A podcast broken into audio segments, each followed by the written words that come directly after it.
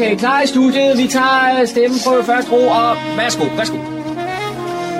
Du lytter til din egen radiomodtager. Fremragende, den er købt. Vi tager den, den her. Okay. Goddag og rigtig hjertelig velkommen her til programmet, der hedder Morgenkrøden. Mit navn er Kurt Kammersgaard. Har fornøjelsen de næste to timer for at bringe noget, kan man sige, inter- in- interessant af indslag, som I måske kan have glæde af, og så en masse god musik.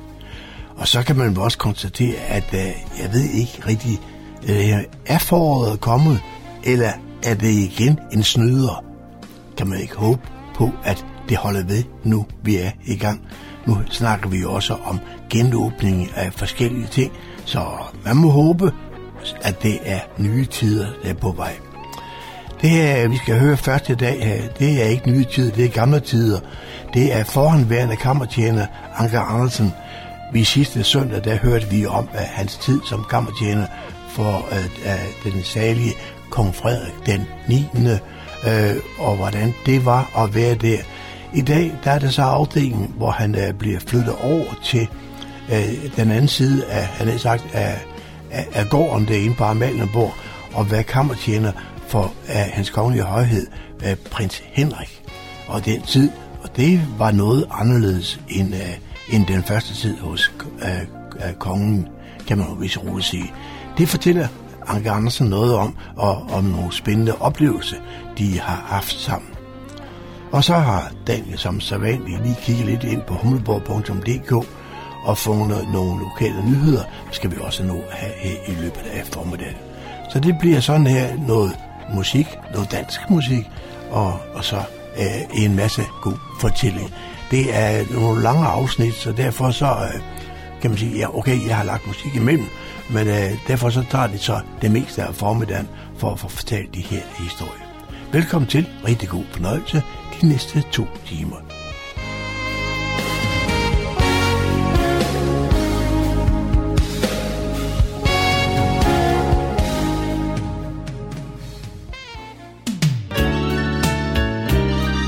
Lytter til Morgenkrydderen. I studiet er det Kurt Kammerskov. 40 år ved kongehuset. Det er foranværende kammertjener Anker Andersen, der fortæller om sin tid i kongehuset. Anker Andersen var først kammertjener hos hans majestæt kong Frederik den 9. og derefter hos hans kongelige højhed prins Henrik. Vi nu kommer til den del af historien, hvor vi skal fortælle og høre noget om overgangen fra det at være kammertjener hos hans kongelige højhed prins Henrik. Ja, selve, selve overgangen, den var, kan jeg godt sige, ret stor.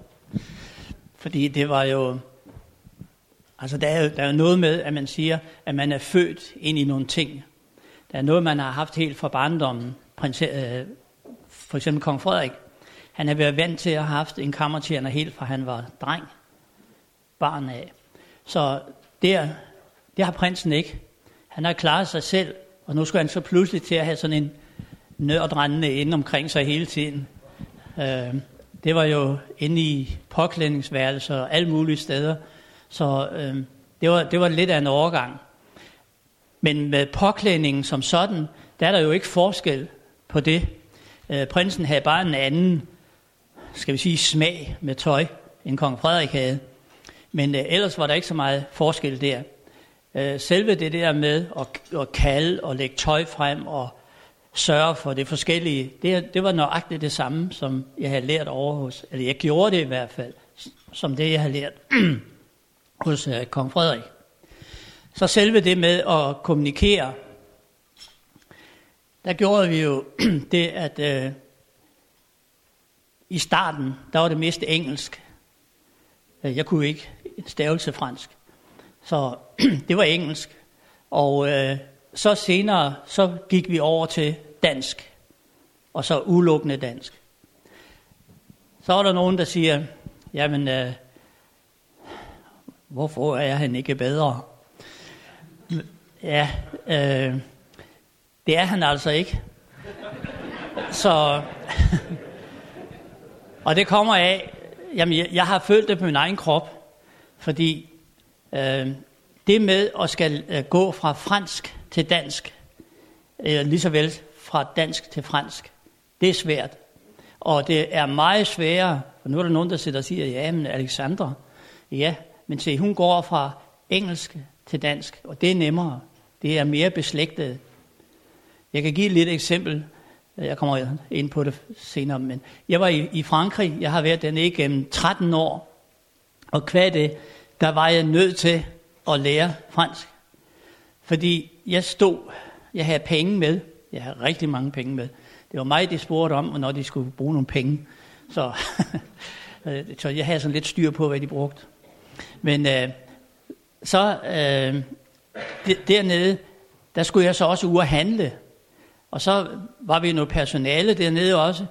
Og øh, så var jeg nede ved slagteren i Lyses, en lille landsby, der ligger lige ved siden af Kajs. Øh, det er sådan en slagter, der stod med cigaret her. Han røg selv med. Øh, han stod i slagterbutikken. De har lidt andet syn på det.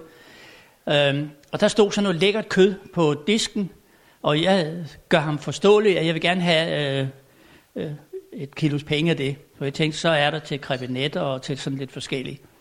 Og øh, da han så har pakket det ind, og jeg havde så købt nogle øh, entrecôte og sådan noget til øh, herskabet derinde. Og så siger han til mig, kigger han sådan på mig, så siger han øh, på fransk, ikke? hvor stor er egentlig den hund, siger han så. Så var det hundemad, jeg havde købt. Så, så det var... Det, så der, der, kan man, der, der kan man se, at man skal passe på, hvad det er. Så jo, det, er, øh, det var lidt svært, men øh, vi kom der over det. Lige så vel som øh, en dag med sproget også igen. Øh, prinsen, vi er inde på Amalienborg, og prinsen siger til mig, øh, ah ja, Andersen, vi spiser ude i dag. Fint, altså, tak for det. Og han går, kører ud og skal spille tennis og så videre. Og jeg går ud, og så ringer jeg ned til vores køkkenchef, Grete Pedersen, og siger jeg, Grete, der er ingen frokost i dag. Hej, fint, siger Grete. Nå, så kommer de hjem, og prinsen er klæder om, og så går jeg, jeg skulle selvfølgelig vente på, at han kom tilbage fra tennis, og han fik så noget andet tøj på. Og øh, jeg gik så ude øh, i anretterværelset og var ved at lave klar til om aftenen. Så ringer det derudefra, og så øh, kommer jeg ind, og så siger prinsessen, ja, undskyld Andersen, øh, er frokosten ikke klar? Så siger jeg, nej, der skal det er den ikke. Hvorfor, siger hun så. Så siger jeg, jamen øh, prinsen sagde, at vi skulle spise ude. Så siger prinsen, ej, ja, ja, men det var ude i haven, sagde han. så, så, så der måtte vi så, der måtte vi så have, ringede ned til øh, Lumskebugten dernede ved havnen, og, og spørge, om de ikke kunne øh, anrette to frokoster. Og så kørte de derned og spiste frokost. Så, så det, er, det kan godt være lidt svært. Ja. Med fasanjagter, ja. Ja, for mit vedkommende. Øh, jeg skal selvfølgelig sørge for, at han har sit jagttøj i orden, at han har øh, jagtgeværene, øh, de er gjort i stand, og så han har nok patroner med. Fordi øh, det er sådan, at øh, jeg får at vide, hvor meget der er skudt de forskellige steder, og så ved jeg også, hvor mange kasser han har haft med ud på jagt. Og så kan jeg derudover se, at hvis han skal til Julesberg på Fyn, jamen så skal han have to kasser med. Skal han på Tranekær, så skal han have tre kasser med. Ikke? Og sådan er det forskelligt. Så, så øh, en gang kom han hjem over fra øh, Fyn af, og så siger han til mig, ah, Andersen, næste gang, så skal jeg have tre kasser med. De gav mig kun én. Ikke? Så der var for lidt patroner. Så han måtte låne sig frem, og det er jo ikke så godt. Så, så det, det, det skulle man sørge for. Så alt det der. Og øh, jagt, for eksempel, hvis det var nede på Letterborg, jamen der var det så sådan, at øh, jægerne, de tog afsted klokken, sådan siger vi 9 om morgenen, deroppe fra, her fra Fredensborg, det er gerne her, vi holder jagterne. Og så, når klokken var hen ad 10, så halv 10 sådan nogle gange, så kørte jeg fra Fredensborg sammen med en øh, sølvkamperbetjent eller en leverist, og så en fra køkkenet. Og så havde vi pakket øh, stationkaren med drikkevarer og sølvtøj og mad og hele og så kørte vi ned til en spejderhytte nede ved Letterborg. Det var sådan en med sådan nogle tykke øh, borer, bænke. Det var bare sådan nogle øh, brædder, også i sådan noget tykt noget. Og så var de lavet sådan her, så ryglænet, det sad også heroppe. Så var det med øh, sådan en øh, stråtægt hytte med små bitte vinduer. Så vores Kirsten, heroppe fra hende fra fjernsynet, hun havde lavet blomsterdekorationer og så videre. Så kom vi derned, og så dækkede vi op med sølvtøj og lysestager, blomsterdekorationer og det hele, og hvid du på anretterbordet derhen, og det hele var stillet op, og øh, når de så kom ind, ja, så var der lys. Jeg kan huske, at vi kom det, den første gang, vi var dernede, så kom en af skovløberne, og kom så ind, og så lukker han sådan lige op, og så kigger han, der var der lys i hele foretagen, og så siger han, ej, det må sgu være forkert, det er gået her, siger han, så lukker han døren igen. Men det var rigtigt nok, det var, og, og se, sådan, sådan, noget, sådan noget der kunne vi blive sendt ud til. Lige så vel som øh, nogle gange, så blev vi sendt ud til øh, skovløberhusene, og skulle øh, holde øh, en frokost derude. Og øh, der er det jo sådan, at øh, i forvejen, når man kommer ud der, så har de der koner jo gjort rent, selv skorstenene skuret indvendigt. Så der er så flot og så fint, når vi kommer, og så kommer vi lavander, og så siger vi, ja, nu skal I bare se her, nu skal du bare gå ud i køkkenet, og så rydder vi hele stuen rundt og øh, sætter bord og dækker op og så videre. Så sådan noget der, det kan man også komme ud for. Og så skal man arrangere sådan en øh, øh, frokost derude. Så, men som sagt, det er, vi er gerne tre, der bliver sendt ud til sådan en øh, frokost der. Og der er både øl og snaps og det hele. Så ja. Se der i 1972, da kong Frederik han dør, så skal Margrethe så overtage øh, tronen. Og øh, når så noget det sker, øh, tronskiftet, så er det fuldstændig som et knivshug, eller man tager og klipper med en saks. Alle, lige fra hofmarschall til den yngste jurist, chauffør, lige meget hvad, de bliver afskediget. Det sker samme aften. Altså når kongen bliver erklæret død, så, så bliver alle afskediget. Og så er der nogen, der kan gå på pension, og nogen kan så komme med over i øh, det nye hus. Vi havde nogle stykker, der kom med over dengang fra øh, kong Frederiks hus, til og fortsat derovre. Blandt andet øh, den ene af vores jæger og så videre. Nogle af chaufførerne øh, er kommet med over os. Så, så det, det, det sker der. Alligevel, altså, den aften, hvor kongen han døde, der kan jeg sige, at kongen døde lidt over 8, og allerede klokken halv 10 om aftenen, det var meget mærkeligt, men der er ikke noget at gøre, sådan er det bare. Der blev fanerne taget over fra dronning Ingrid fra 8. palæ og ført over og over i Christian 9. palæ. Og så siger prinsesse Margrethe til mig, Andersen, hvad gør vi ved det her? Så siger jeg så, ja, det er faktisk kun at sætte dem her nede i hålen hernede. Og så siger hun, jamen de står jo og kører på det her parketgulv.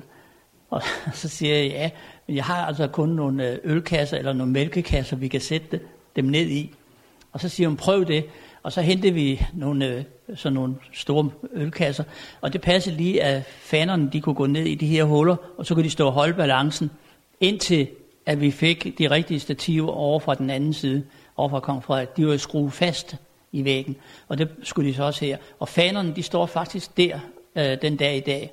Men det skete allerede der om aftenen, fordi allerede næste dag, der skulle dronningen jo ned på Christiansborg og uråbes med Jens Otto krav og det hele.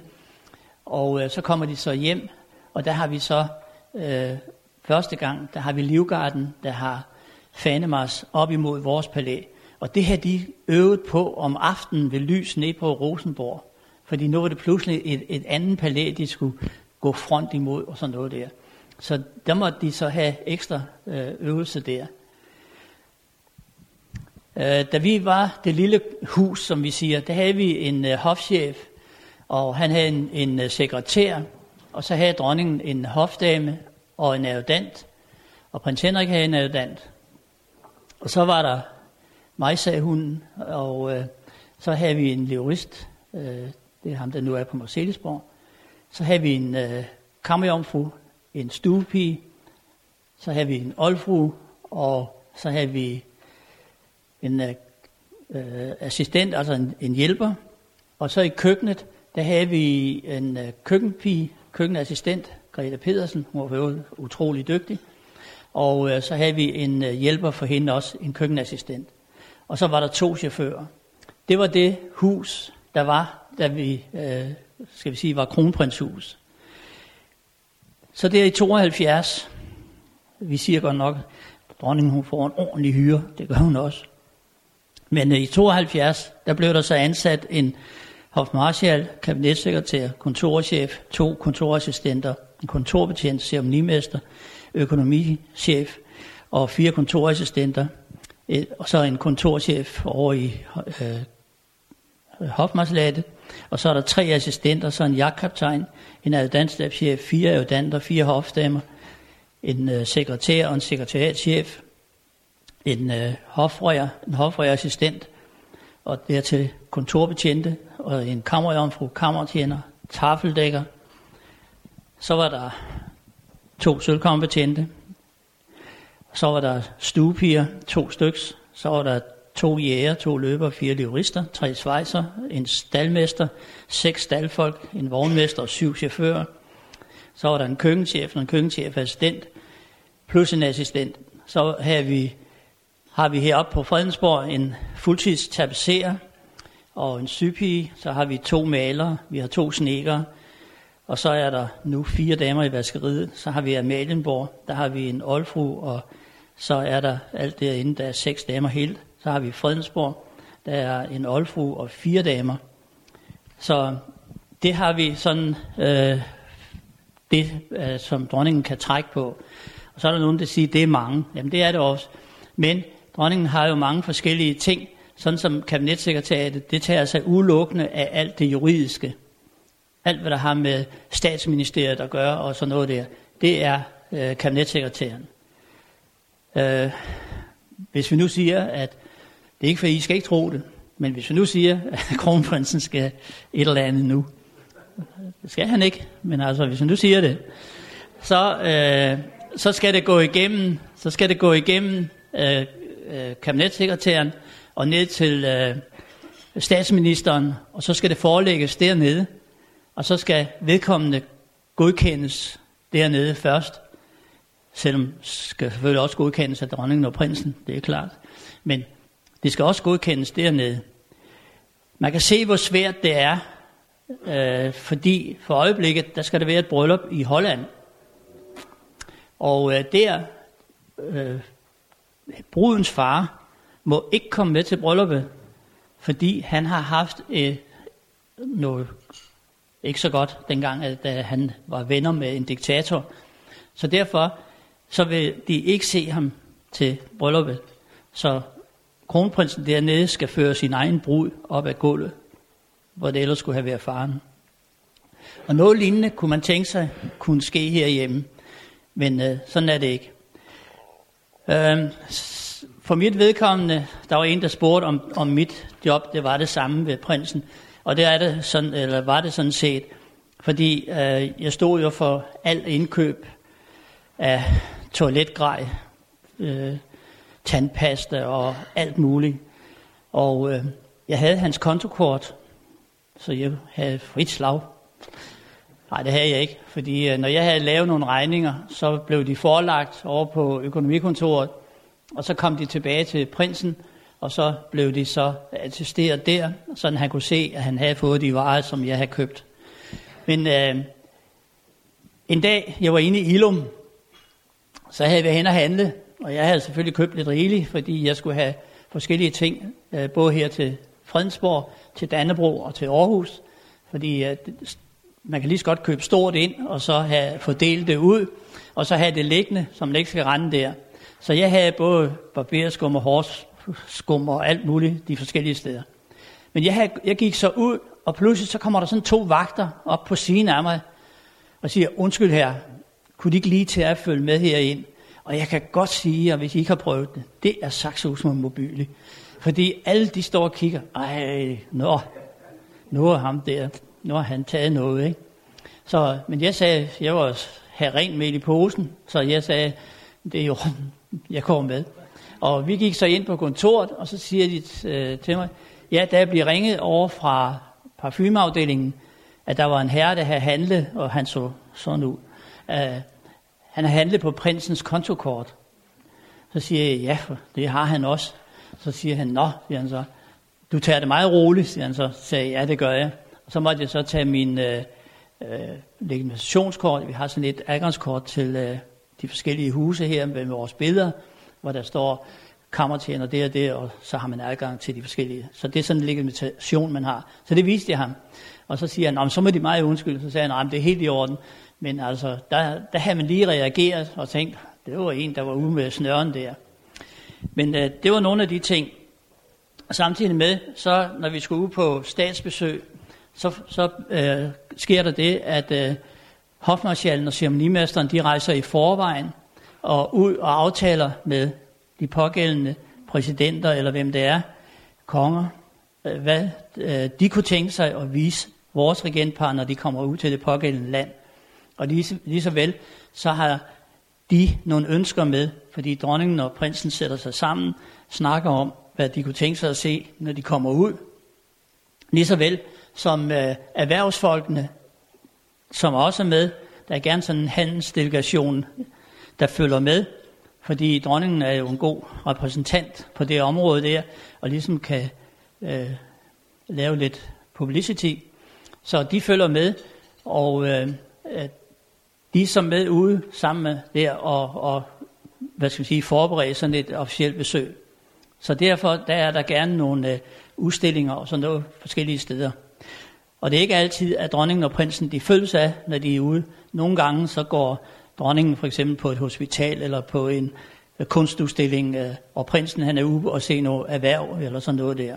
Så det, det er lidt forskellige.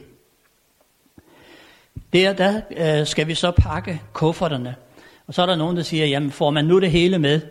Jamen det skulle man gerne have, men øh, der sker det, at vi har et fuldstændigt program, når vi rejser hjemmefra. Og det er så nøje tilrettelagt, at vi har så noget med 5 minutter og så videre, øh, 10 minutter. Øh, de kører fra det og det sted, og ankommer der klokken det og det, og er hjemme klokken det. Og så opholder de sig på hotellet eller præsidentboligen i x antal minutter, og så skal de ud til en middag. Sådan, har det, sådan kører det fuldstændig. Og øh, inde i de der øh, tidsrum, der er der, når vi er ude på officielle rejser, så har vi mulighed for at kan komme ud og se noget. Så det er ikke sådan, at vi, når vi er ude på de der ture, ikke får set noget. Men guderne skal vide, at jeg har været ude på nogle ture, hvor jeg kun har set mit hotelværelse, og så har jeg været nede i lobbyen og op igen. Så det kan også lade sig gøre. Men øh, mange gange, de fleste gange, der er det sådan, at vi øh, kan komme ud og se noget. Men øh, som sagt, der må ikke mangle noget som helst, når vi er ude på de der ture der. Hverken ordner eller noget andet. Så har jeg også deltaget i ambassadørmodtagelser. Og øh, der har vi gerne, når vi er for eksempel her på Fredensborg, så siger vi gerne, at vi tager dem i bunder. Og det med, med fem af gangen. Og der sker det, at øh, de bliver kørt i bil ind fra København, eller hvor de nu kommer fra, herned til stationen, og så ned i den der gamle, fine ventesal, I har dernede, den kan I være stolte af. Øh, rigtig flot. Der bliver så sat et drinksbord op med, hvad vi har og alt muligt. Kan vi næsten. Og øh, så bliver det sat op, og så kan de komme ind og få en forfriskning. Og der står så en øh, øh løber eller en livrist dernede og betjener dem. Så har vi inden fra København fået vores karet herud med fire spand. Gardehusaren er her. Og så bliver øh, ambassadøren kørt her igennem Fredensborg og op til slottet. Der står hofmarschallen op på trappen sammen med en jæger og en livrist eller en løber. Og så bliver ambassadøren ført ind igennem gardesalen, ind i kuppelsalen, og der står så nogle gardehusar og nogle gardere og præsenterer. Derfra går ambassadøren så videre ind i havesalen, hvor så øh, hofdamen og kabinetssekretær, øh, jagtkaptajn, slotsforvalter, ceremonimester, alle de der embedsmænd, vi har, de står stillet op, og så bliver han præsenteret for dem. Fordi der sker jo det, at senere hen, både til fester og mange gange, så bliver vores øverste inviteret ud på ambassaderne, så de skal ligesom kende hinanden. Så går han så hen imod øh, døren der, hvor ind til dronningen, der står så en vagthavende øh, kammerherre. En kammerherre, det er en af dem med nøglen her på venstre bagdel. Og øh, han står derhen med sådan en stav. Og der var det så mit job at stå hen ved den dør, og så gå, når jeg så, at han kom hen og hilste på kammerherren, så gik jeg ind og sagde til dronningen, hvis nu for eksempel var fra England, så sagde jeg, deres majestæt, ambassadøren for England. Og øh, så rejste dronningen sig igen, hun satte enten og læste, eller, og så gjorde hun sådan her. Og øh, så gik, gik hun så her, øh, hen, og så stillede hun sig midt på tæppet der. Og så gik jeg hen, og så når jeg så, hun stod, øh, så der var lys på hende, så gik jeg ud og sagde til hofmarschallen, at nu var dronningen klar. Nu var der sådan en sølvhøj. Han kunne lektien uden af, hvor den der ambassadør havde været. For eksempel hvis han havde været i et eller andet i Amerika eller Schweiz, eller hvor han havde været før. Det kunne Sølhøj uden af, og det fortalte han så dronningen, øh, hvor det havde været. Men øh, Haslund her, han er smartere, fordi han tager den her sæl, og så har han sin hat med, og det lægger han så sælen ned i hatten, så står han med den her, og så kan han stå og læse det. Så, så det, øh, han er meget smartere. Så han, øh, han kan altid afgive den korrekte, så der er ikke noget. Når det så er gjort, så kommer han ud igen, og der lukker jeg så døren op, og så går ambassadøren ind, og øh, går hen til dronningen, og så står de og snakker lidt. Så giver han øh, dronningen sin akkreditiver, og dem tager hun så, og så står de lige og sluder. Se, mens alt det der foregår, der står jeg med døren sådan på klem, sådan her, bare sådan en spræk, fordi vi har ingen, vi har ingen dørspioner deroppe, så jeg må stå der og glå ind i det her øh, spike der. Og så, når han er færdig der, nogle gange, så må dronningen sådan ligesom, nu, nu, nu er det nu. Så, så må han gå, og så, når han kommer hen mod døren, så lukker jeg op. Så, når han er ude, så går jeg ind og henter prinsen, og siger til ham, deres øh, kongelige høje, for eksempel ambassadøren for England, så kommer han ind, så står både dronningen og prinsen der. Og så kommer ambassadør ind igen. Hvis, den, hvis han nu er gift, så har han sin frue med, plus nogle af de ansatte fra ambassaden, de kommer så ind og bliver præsenteret for både dronningen og prinsen og hilser på dem, og de står så og snakker lidt. Så personalet, de kommer så ud igen, og så sætter øh, kongen, altså dronningen og prinsen sig, plus ambassadørparet. Og der sidder det gerne sådan, at prinsen kan jeg se, eller kunne jeg se dengang. Han sad på stolen, og jeg står så der ved det der. Og så er det sådan, at uanset om han er Ægypter, eller amerikaner, eller russer, så har de nøjagtigt en halv time fra det øjeblik, de sætter foden på Fredensborg Slotshap, til de skal ud igen. Så når jeg så på uret derovre på øh, væggen, at nu er det ved at være tiden, hvis ikke prinsen reagerede, så kunne jeg lige gøre sådan her med døren. Og så var prinsen klar over, at nu er der fem minutter igen. Og så rejste han sig, og så kunne de nå at komme ud og få sagt farvel, og så ud, fordi den næste ambassadør var allerede heroppe igennem Fredensborg. Og så skulle han se at komme væk med bilen og ud, for så blev han kørt væk i bilen nemlig. Og fruen blev kørt ud af bagtrappen, så der var, der var fri. Men øh, nu rolig damer, nu rolig. Fordi øh, det er jo sådan, at damerne de har også trængt sig ind på ambassadørposterne. Så vi har, vi har flere gange, hvor det var damerne, der var ambassadør, og hvor manden trippede bagefter. Så var det ham, der blev kørt ud af blå port. Så, så det, det kunne vi også komme ud for. Nu var det sådan ved kong Frederik, der var det sådan, at det der med at have fjernsyn helt inde, det, øh, det skete ikke. Men her, der er det blevet ligesom lukket lidt mere op, og måske nogle gange for meget. Men der øh, har de så været inde og fotograferet, I har sikkert set noget af det, øh, sådan en ambassadørmodtagelse. Og jeg sidder hjemme sammen med min døtre og min kone, så der kigger en aften, sådan et, et udsendelse der, og øh, så står jeg der, så er der et billede af mig, jeg står der, sådan der, og siger min yngste datter, Gud far, hvor ser du åndssvag ud, når du står og glor ind af den spræk der. Så, så måtte jeg så fortælle hende, at uh, det var faktisk uh, noget, der var nødvendigt, fordi når ambassadørparet de kom ud, så uh, på parketgulvet deroppe, der, er der var der et bestemt mærke. Når jeg så, at de satte foden cirka der, så lukkede jeg op. Men jeg havde jo som sagt kun den mulighed at kigge igennem sprækken. Så sådan var det. Øh, jeg har som sagt igennem 13 år været med på Kajs. Og øh, jeg var med fra 1974, hvor vi købte det dernede, hvor det blev købt øh, som en stor ruin. Og øh, de første øh, halvandet år, eller to år, vi var der, der boede vi ikke på slottet. Vi boede på Herlund, eller dronning og prinsen Herlund, et slot ved siden af, hvor vi boede på. Og så kørte vi derfra og over, og øh, skulle have det her op at stå. Jeg har taget brombærranker ned med sådan en kratryder, og da vi lagde den ud, så var den 32 meter. Så det var nogle ordentlige nogen, der groede rundt. Der var nogle steder, vi kunne slet ikke se vejene der. Og der, hvor prinsen i dag har øh, den der øh, til udlejning, det var den gamle forvalterbolig, den var fuldstændig groet ind øh, i blade og tørn og alt muligt brumbær. Så det har jeg været med til at gå og rydde dernede, plus træer og alt muligt.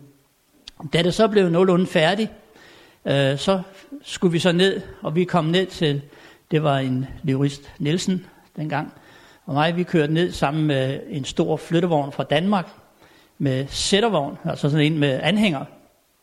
Og vi havde 152 flyttekasser, plus møbler. Og det skulle vi så ned og have sat på plads. Så der var jeg også flyttemand, og jeg hængte billeder op og lagde tæpper og alt muligt.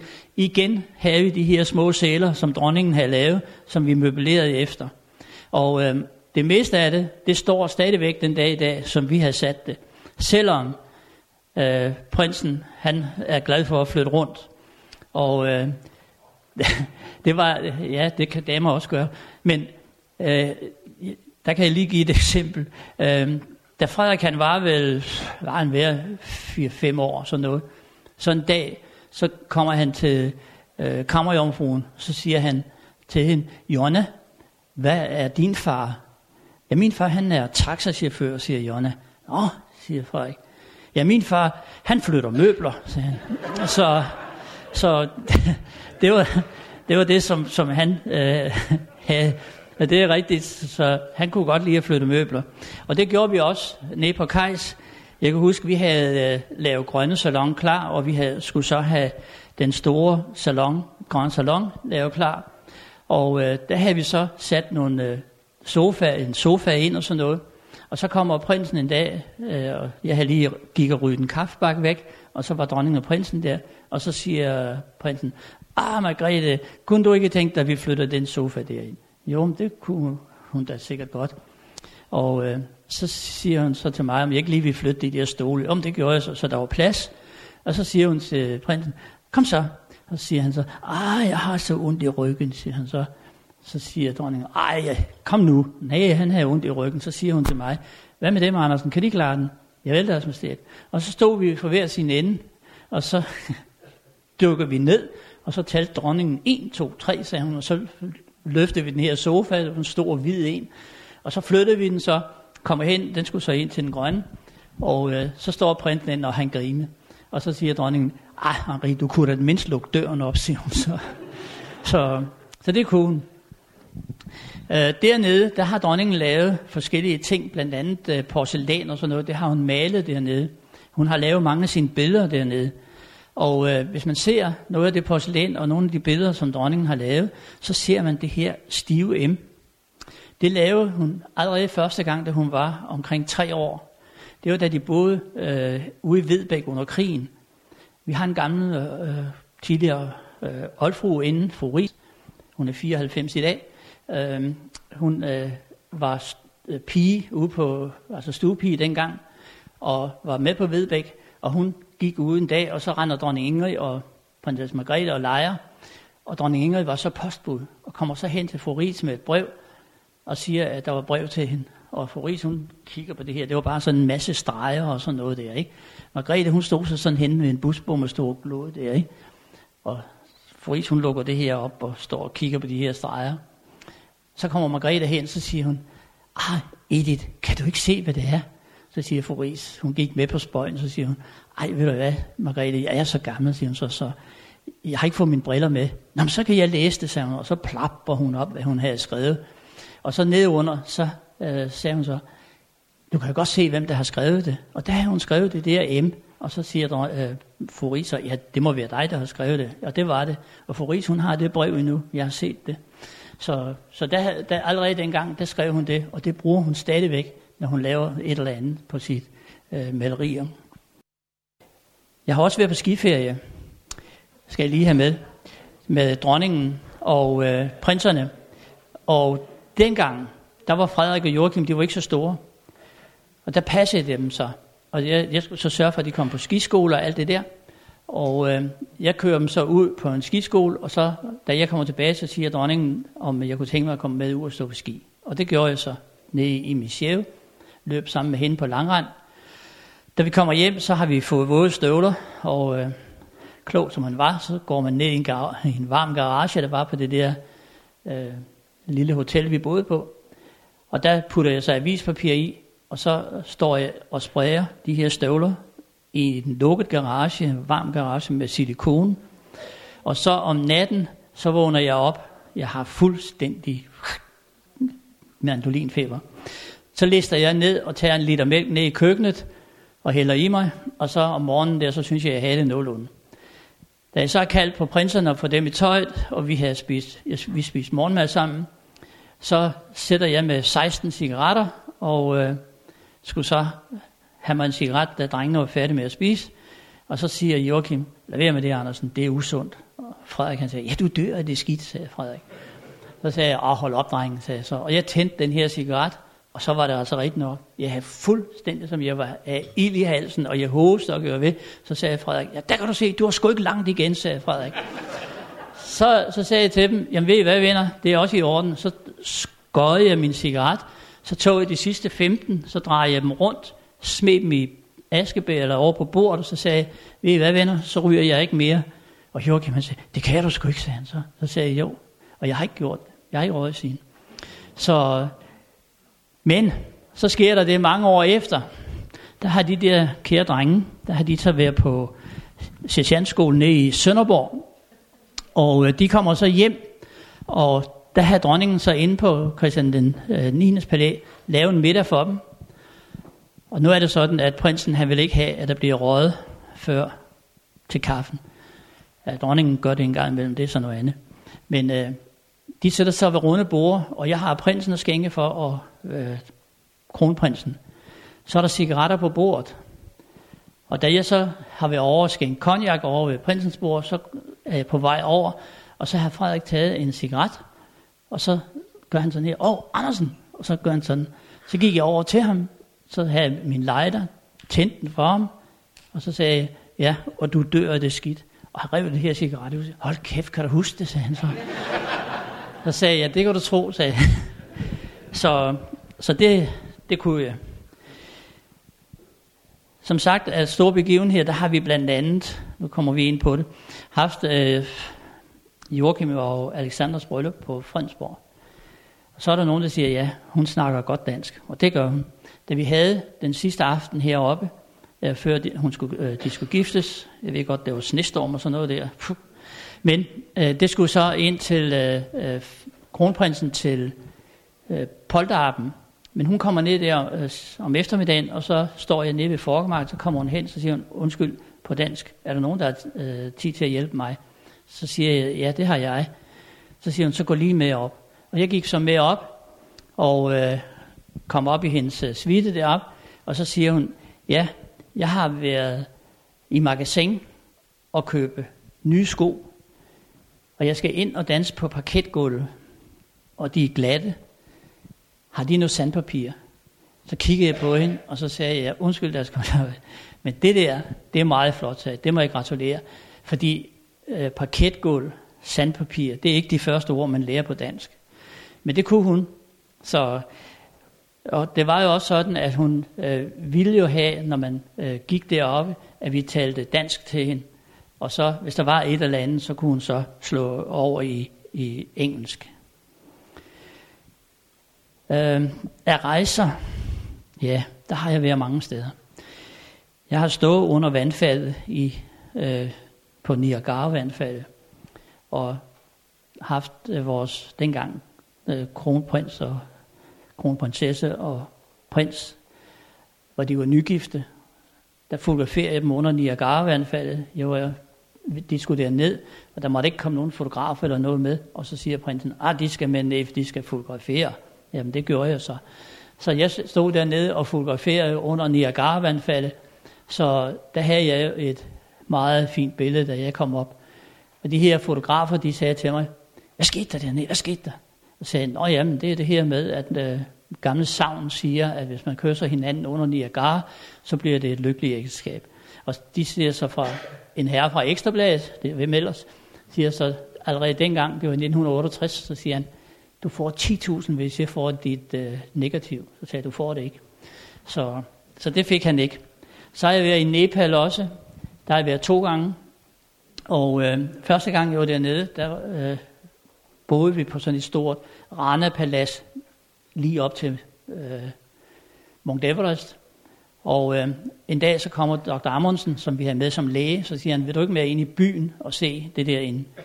Jo, men jeg vil godt med ind til Kathmandu. Og jeg, vi tog så ind, så kommer vi ind til sådan et tempel, der ligger lige ned til floden.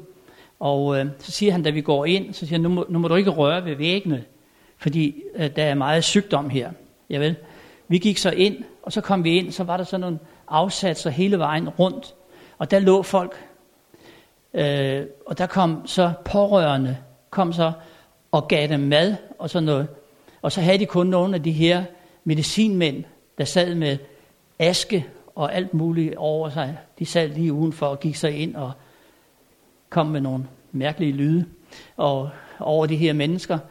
Når de så døde, så blev de båret ud af øh, de andre indgang eller udgangen der lige ned til floden, og så blev de svøbt i nogle klude, eller sådan nogle hvide øh, tøjstykker, og så blev de lagt med fødderne ned i vand, og så skulle de ligge der til fødderne var vasket rene, fordi de tror på reinkarnation dernede, og man går ikke op til et nyt liv med snavsede fødder. Det, det skal man huske, det gør man ikke. Så, så der, der øh, skulle de så ligge der, og imens så går familien, de går så over til brændehandleren, der ligger lige på den anden side. Og det er sådan en stor, ligesom en bismarvægt, med jernkæder og tre store sten, og så bliver der lagt brænde op der, og så foregår så de pårørende, de er op og handle. Og det foregår med grin og hyl og klapsalver, hver gang en handel er afsået. Så når de synes, de har nok af både brænd og halm, og vedkommende dernede er klar til at blive brændt, så bliver det stavlet op på sådan nogle øh, afsatser ude i vandet. Og så dem, der har fulgt øh, vedkommende dernede til graven der, eller til floden, de går så hjem, og så øh, arrangerer de øh, fest derhjemme, for nu, nu skal det fejres, at vedkommende har fået et nyt liv. Og så går de hjem, og så imens så sidder, hvis det er en, skal vi sige, en dame, der er død, kone, så er det den ældste søn og manden, der sidder dernede. Når så vedkommende er færdigbrændt, så bliver det hele fejret ud i floden, og så øh, går man så hjem. Der, der var der så en lille dreng, han øh, ville gerne tjene nogle rubis, så han gik hen til Dr. Amundsen og spurgte, om han ville være guide. Og Dr. Amundsen han sagde, jamen det måtte han godt. Så kommer han hen til mig, så peger han sådan hen, jeg har ikke lagt mærke til det, så peger han sådan hen, så siger han, der sagde en øh, ældre og en yngre mand hen ved sådan en lille bål, så siger han, se der mister, der er et lille barn, der er død, siger han så, nu får den det godt. Og øh, der så jeg så sådan et lille forkullet barnelig, der lå derinde. Men sådan ser de på det dernede. Senere var det nede i 1974, og der møder jeg, det var til kroningen af det kongepar, som ikke eksisterer mere, Miranda. Hele hans familie blev udslettet her for sidste år. Så øh, der var jeg så dernede til hans kroning, og der sidder jeg på øh, midt på torvet i Kathmandu, og så har, havde jeg det, eller har det ligesom alle andre, når de er ude at rejse. Hov, der var en dansker der, ikke? Og, nå, der var en nordmand. Og der mødte jeg øh, nogle nordmænd, et øh, missionærpar. Og vi sidder så, de sidder så der, og jeg sad med prins Henriks kamera, mit eget, og adjutanten, så jeg lignede sådan en helt presfotograf. De spurgte også, om jeg var det. Men øh, så øh, kom vi til at sætte og snakke, og det viser sig, at øh, de havde øh, et lille hus lige i kanten af, af Kathmandu. Og der blev jeg så inviteret ud om aftenen, Og da jeg kommer derud, det, er sådan, det var lige så fattigt som det, som nepaleserne boede i. Og så sagde de til mig, hvis vi har, vi har råd til at bo i noget, der er bedre, fordi de fik penge fra blandt andet Norge, ikke? da de var nordmænd. Men vi kan, vi kan ikke bo i noget, der er bedre, for så vil nepaleserne ikke komme til os. Så derfor er de nødt til at bo i den samme standard. Men så gik vi ud i sådan en lille skur bagved. Der havde de sådan to køleskab stående med sådan store låger. Det her gamle atlas med de buede låger. Og deri, der viste de mig, der havde de fyldt op med vaccine. Det var sådan, at det var koppevaccine. Hvis der skete et øh, øh, udbrud et eller andet sted i Nepal, jamen så øh, kom der helikopter over til sportspladsen og hentede dem. Og så fløj de to mennesker ud, for der var ingen læger. Der var kun dem i hele Nepal, og der var 22 millioner mennesker, de skulle betjene. Så det, der havde lægerne travlt. så det, det, var, det var det.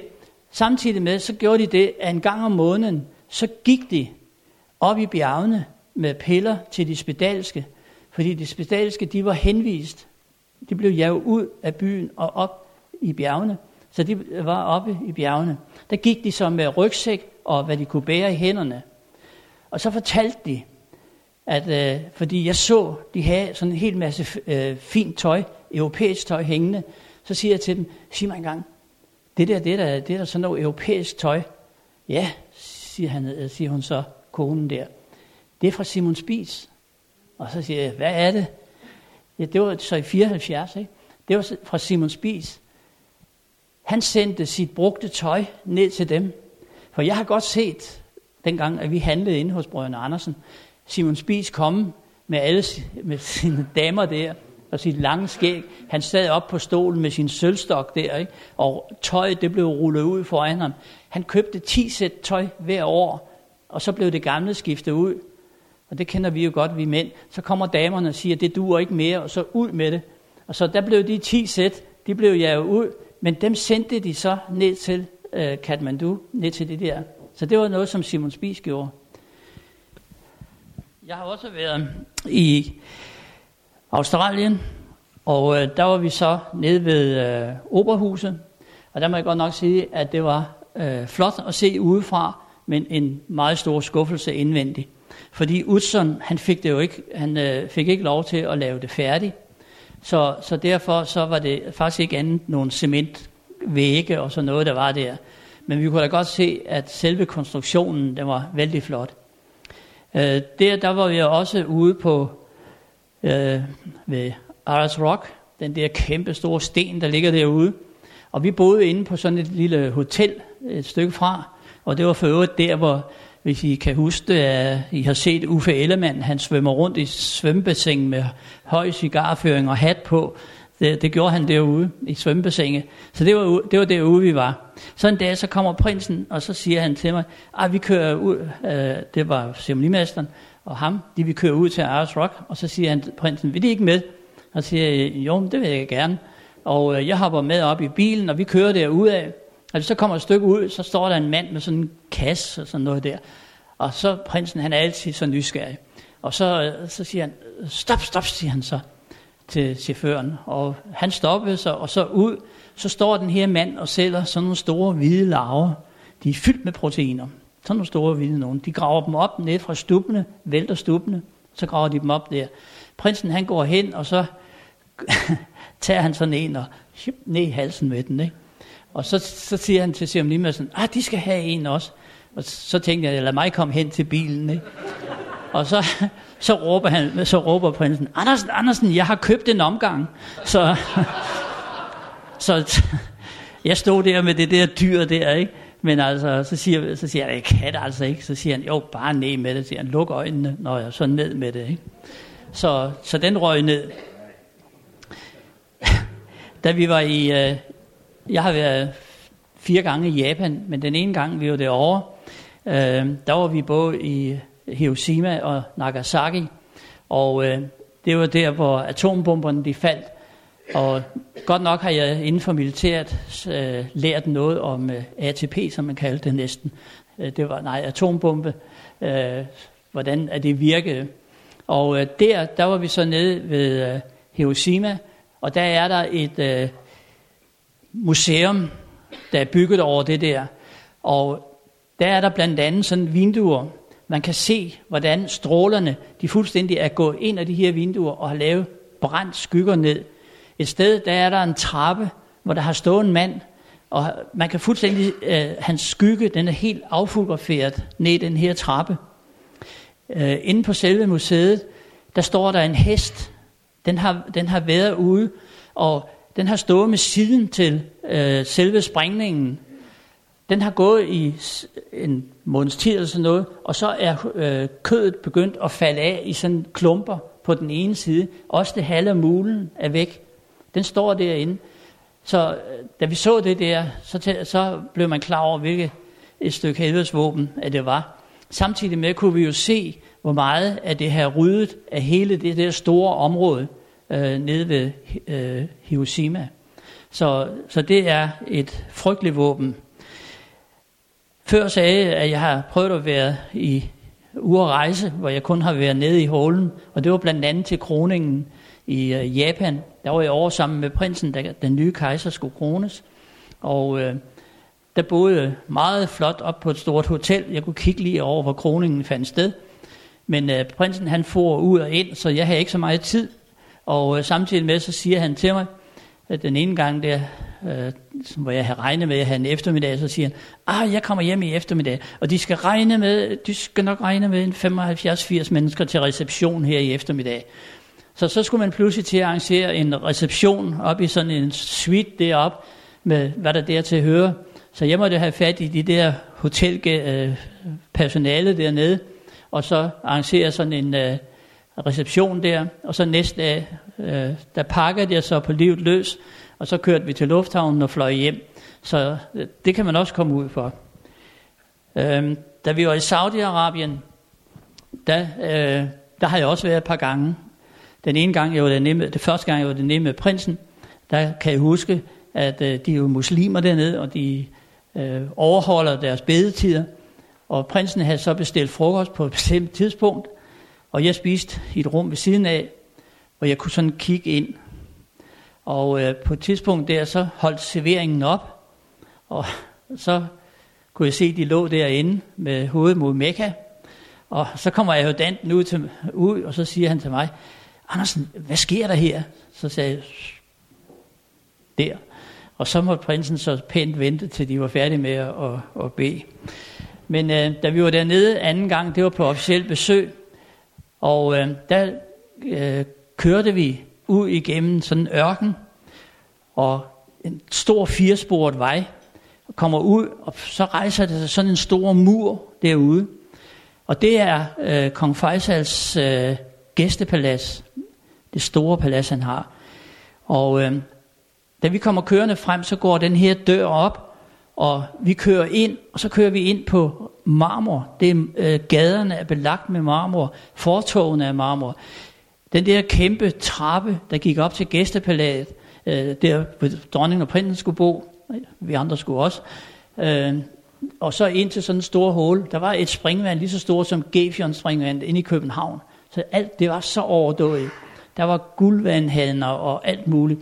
Så jeg har, det, det er nok noget af det mest overdåde, jeg nogensinde har boet på. Og jeg boede også fint, ikke derfor. Så øh, prinsen han havde blandt andet sådan et, et badekar, og oh, han nød det. Øh, sådan et med guldvandhaner, og sådan et han kunne gå ned i. Og så lå han dernede, Ej, der er bobler, og der var øh, øh, det, bølger, og han kunne trykke på forskellige knapper, så kom der forskellige parfumer ud og sådan noget. Så det, det, det var rigtig mekaniseret det hele. Øh, jeg har også været til middag i Marokko, og øh, der, det var en middag uden damer. Og øh, vi kommer ind, det var hos den øh, marokkanske kronprins, øh, og så kommer vi ind, så står kronprinsen der, og så står hans dronning, eller hans prinsesse, lige bagved med slør og det hele. Og det var ikke noget med at komme hen og hilse på damen, nej, det var sådan på afstand og buk pænt, og så gik vi så ind. Og så kommer vi ind ved sådan nogle lave borde, og øh, der var en journalist med, som øh, var inviteret også, som den eneste, øh, for sådan at kunne fortælle pressen om, hvad der skulle ske, var der sket. Og han var så med, og der, ham og mig, vi sidder ved siden af hinanden. Så er der en tallerken og et glas på bordet, men der er ikke noget bestik. Og så siger jeg til vores ja, det er jo ikke sådan, vi dækker op hjemme hos, hos os. Og vores siger, nej, han vidste heller ikke, hvad der skulle ske. Men på et tidspunkt, så kommer der nogle fine tjenere ind, og sætter en stor øh, fisk midt på bordet. Og øh, vi sagde og glode på hinanden, og de her marokkanere, de sad og kiggede meget høfligt over på os. Men øh, vi foretog os ikke noget, for vi vidste jo ingenting. Men pludselig så rejser den ene af de her marokkanere sig, og så gør han sådan her med fingrene ned og tager sådan et stykke og hiver boing, over på min tallerken. Der var så både fisk og couscous og alt muligt over, og det fik vi så alle sammen. Lidt efter, så kom der, da vi havde spist det, så kom de ind med sådan nogle store fade, hvor vi vaskede fingre. Vi var så renlige, så vi vaskede fingre der. Og så kom der en høne ind, og det foregik på samme måde. Så, så det var sådan lidt anderledes med det, at vi øh, prøvede det. Jeg har også været i Amerika, og der må jeg godt nok sige, det er den øh, 11. September, da jeg så øh, de to tårne, Øh, de faldt. Øh, det, det var lidt mærkeligt, fordi så tænker man pludselig på, jamen gud, Marker, der har du jo siddet op og spist frokost. Og øh, set det hele for sig, hvordan og hvorledes det, det gik til. Så det var lidt mærkeligt. Øh, nu, når jeg ser Bush, den nuværende præsident, så kommer jeg til at tænke øh, på også, at da vi var derovre og rejste rundt i Amerika der, der boede vi så ved det gæstehuset, ved det hvide hus, og der var det faren, der var præsident dengang, og der kom sønnen og hilste på og var med til, til middagen. Så der hilste jeg på dem derovre i øh, USA.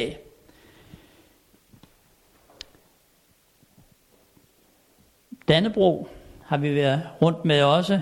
Det bliver kun en lille rejse her. Der har vi været på Grønland og Island og Færøerne, og vi har været på St. Kreuz, og vi har været i Rusland. På St. Kreuz, der havde vi skattejagt med prinserne, der var ikke så store med sørøverkonger og det hele, og guldmønter. Det var Anton Bergs, de her guldmønter, der var lagt ned i kister, der var gravet ned. Så det var meget festligt. Øh, I Rusland, der var vi også med Dannebro, men vi boede så også på Kreml. Og så en dag, vi var inde med Morgenbak, Jonna og mig, til dronningen og prinsen. Ja, jeg var med med Morgenbakken. Øh, så, så da vi kommer ind, så gør prinsen sådan her. Og så siger han til dronningen, ej, ved du hvad, Daisy, det er også ærgerligt, at jeg ikke har honning og øh, marmelade. Ja, siger dronningen, det var da ærgerligt nok.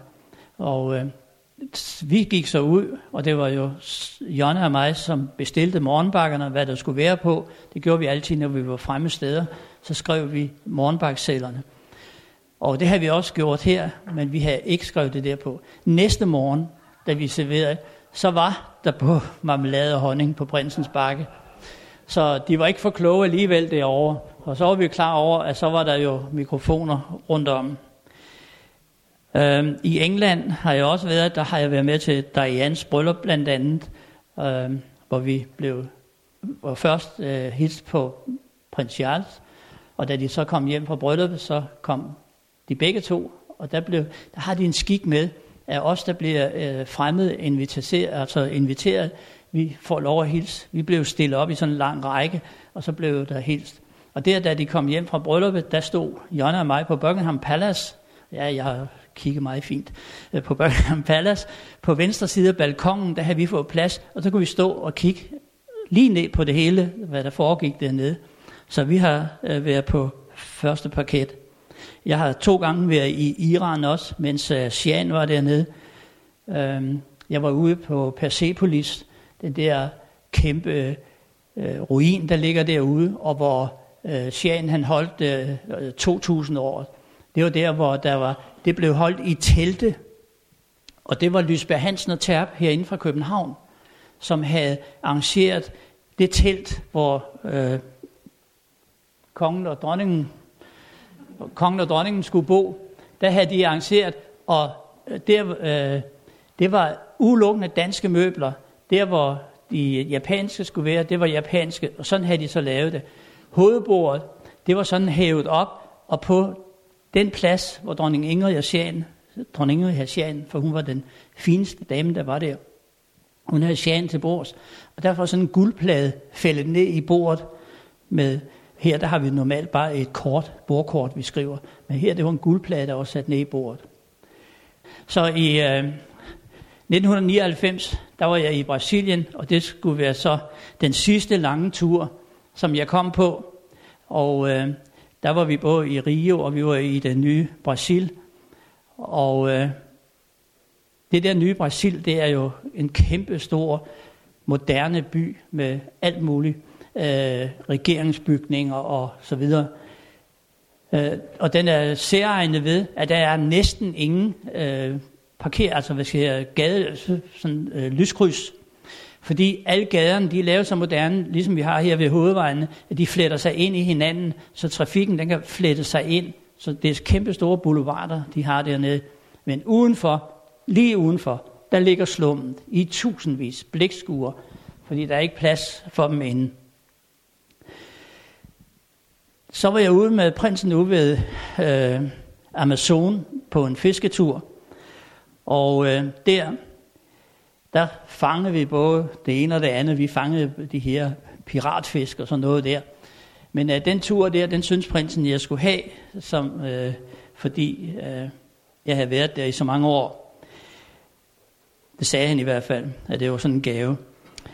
Øh, der, der havde jeg så samtidig sagt til ham, at øh, jeg vil holde op, fordi øh, der i 99, der øh, var det sådan, at øh, jeg havde 40 års jubilæum den 1. maj, og så i august, der fyldte jeg 67, og så var det lige til år 2000, så, så jeg synes, at øh, det var lige tiden, at jeg skulle holde op der. Og der havde jeg så været kammertjener for prinsen igennem 33 år, så det var ligesom om vi kendte hinanden lidt. Så, så der øh, den 31 der øh, blev jeg så tilsagt klokken halv ti inde på Amalienborg, og så drak jeg kaffe sammen med prinsen derinde, og øh, så fik jeg det her ur, jeg har her, med inskription i. Og øh, der til mit, og så var jeg så inde og sige farvel til dronningen også, og øh, så spurgte hun så, og hvis de fik brug for mig, om de måtte kalde på mig, og det har de så gjort nogle gange. Så havde jeg så fået øh, dronningens øh, guldmedalje. Jeg havde otte i forvejen. Ikke guldmedaljer, men otte af hendes og kongens. Så jeg har altså otte danske, og så har jeg 37 udenlandske. Som, som mit barnbarn siger, ved du hvad morfar, hvis du tager dem alle sammen på, så bliver du skæv. Så da min lærerinde, hun sagde, at jeg blev vagabund, så må jeg give hende ret for nu kan I få et lille pluk. Jeg var fem gange i USA, jeg var to gange i Iran, jeg var i Kina, jeg var 13 år i Frankrig, jeg var i Canada, jeg var fire gange i Thailand, to gange i Nepal, Australien, New Zealand, jeg har været i Rusland, England fire gange, jeg har været i Korea, jeg har været i Jugoslavien, Ægypten, jeg har været i Marokko tre gange, Japan fire gange, Afrika, Saudi-Arabien to gange, Sydafrika, Malaysia, Brasilien, St. Thomas, St. Croix, Estland, Letland, Litauen, Spanien, Portugal, Italien, Rumænien, Polen, Hongkong, øh, Tyrk, Tyrkiet, Tyskland, Østrig, Schweiz, Belgien, Holland, som alle de nordiske lande, og Grønland for ikke at få glemme. Så jeg blev vagabund, og jeg blev rigtig luksusvagabund.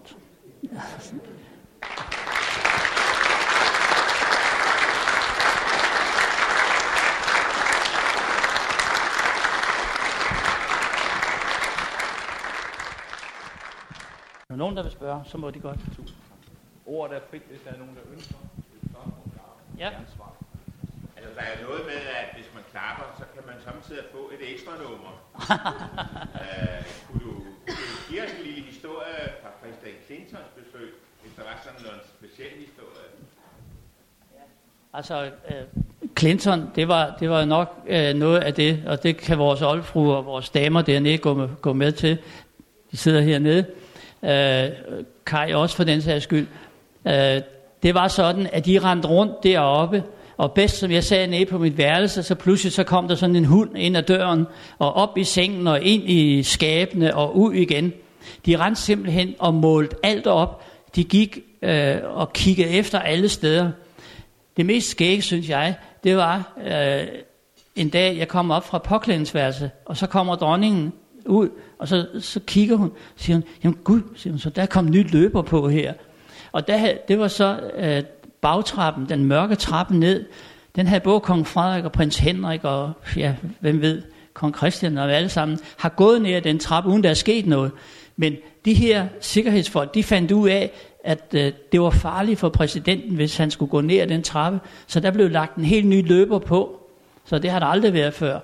Så, og der, øh, da vi skulle ind og servere, der ville de vide navnene på os. Selvom altså, vi gik imellem dronningen og prinsen hver dag, men så ville de vide vores navne og alt det der. Så vi var virkelig tjekket af deroppe.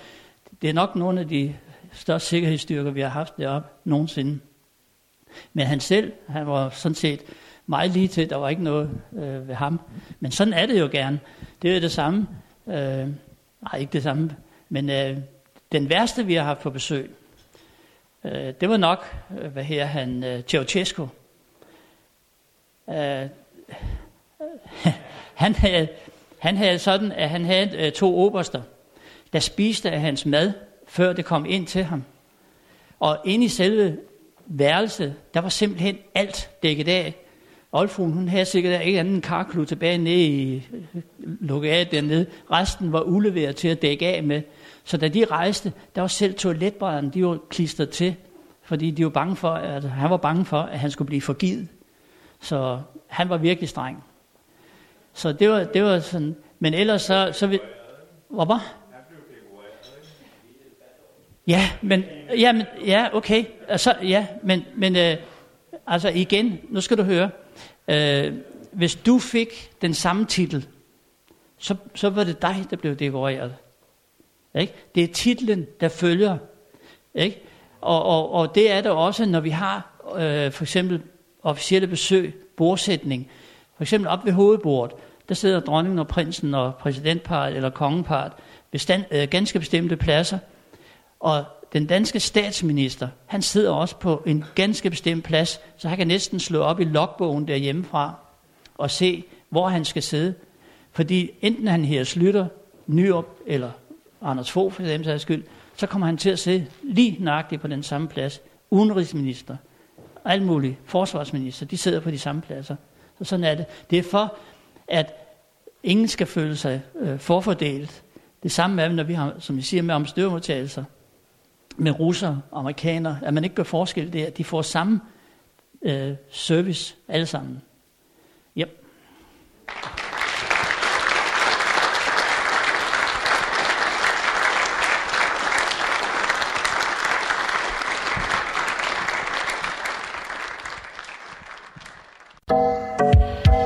Lytter til morgenkrydderen. Det er igen blevet tid til lokale nyheder, hentet fra Lokalradioernes nyhedsportal Humleborg Online. Jeg er Daniel Jørgensen. Fredensborg Kommune får fra uge 16 og 4 uger frem foretaget en kontrolopmåling af en række vandløbstrækninger.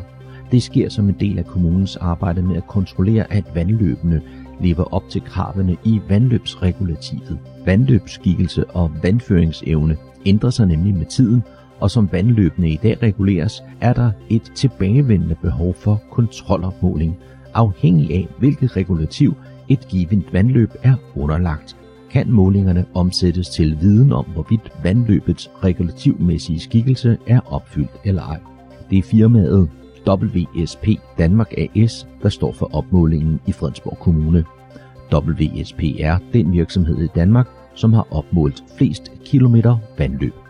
Opmålingen foretages i dag med en blanding af GPS og totalstation afhængig af om vandløbet løber i skov eller i åbent terræn og kan suppleres af foto, dronefoto og dronevideo af forhold langs vandløbet, hedder det en generel beskrivelse fra firmaet om arbejdet med opmåling.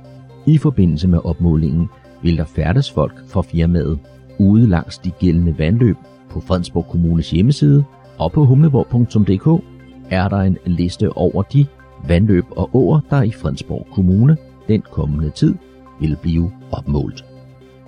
I Fredensborg Kommune er man meget glad for cyklister, og ekstra glad for dem, der har god stil og styr på motionscyklen.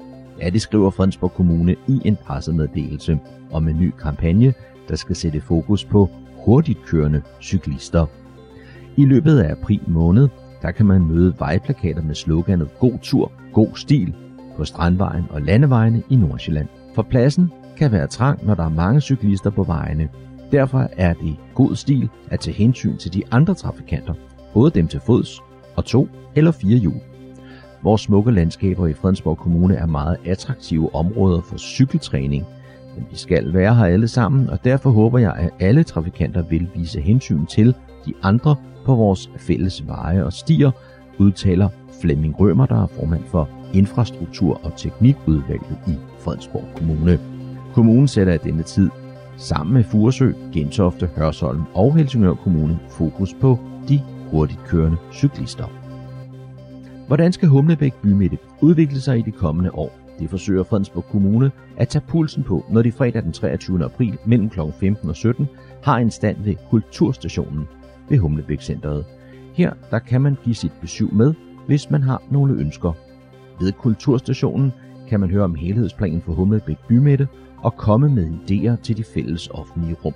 For eksempel, hvilke aktiviteter og funktioner du ønsker dig i kulturhus, byrum eller en lille park. Har du konkrete idéer til indretning, møblering, beplantning, belysning med videre. Hvilken stemning og materialer kan du forestille dig, der kommer i bymidten? Og det var altså fredag den 23. april mellem kl. 15 og kl. 17.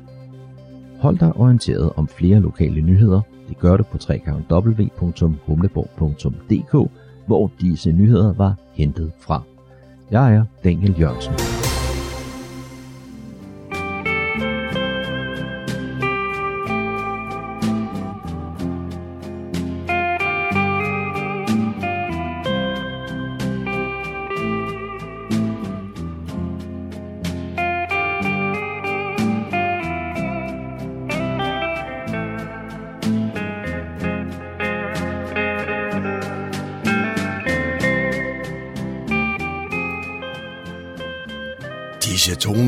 Fortæller os, at vi er nået til afslutningen på denne uges udgave af programmet, der hedder Morgenkrøden.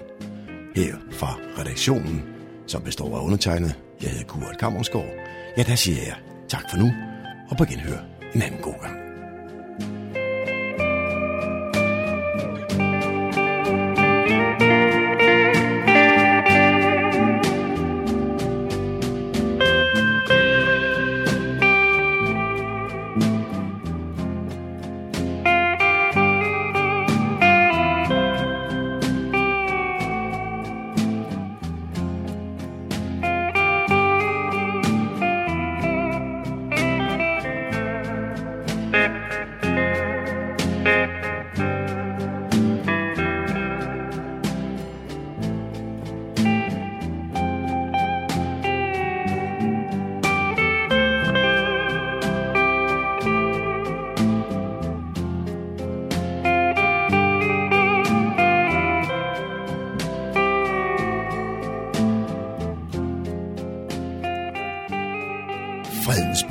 Lokalradio, Radio Humleborg. Nordsjællands mest voksne lokalradio.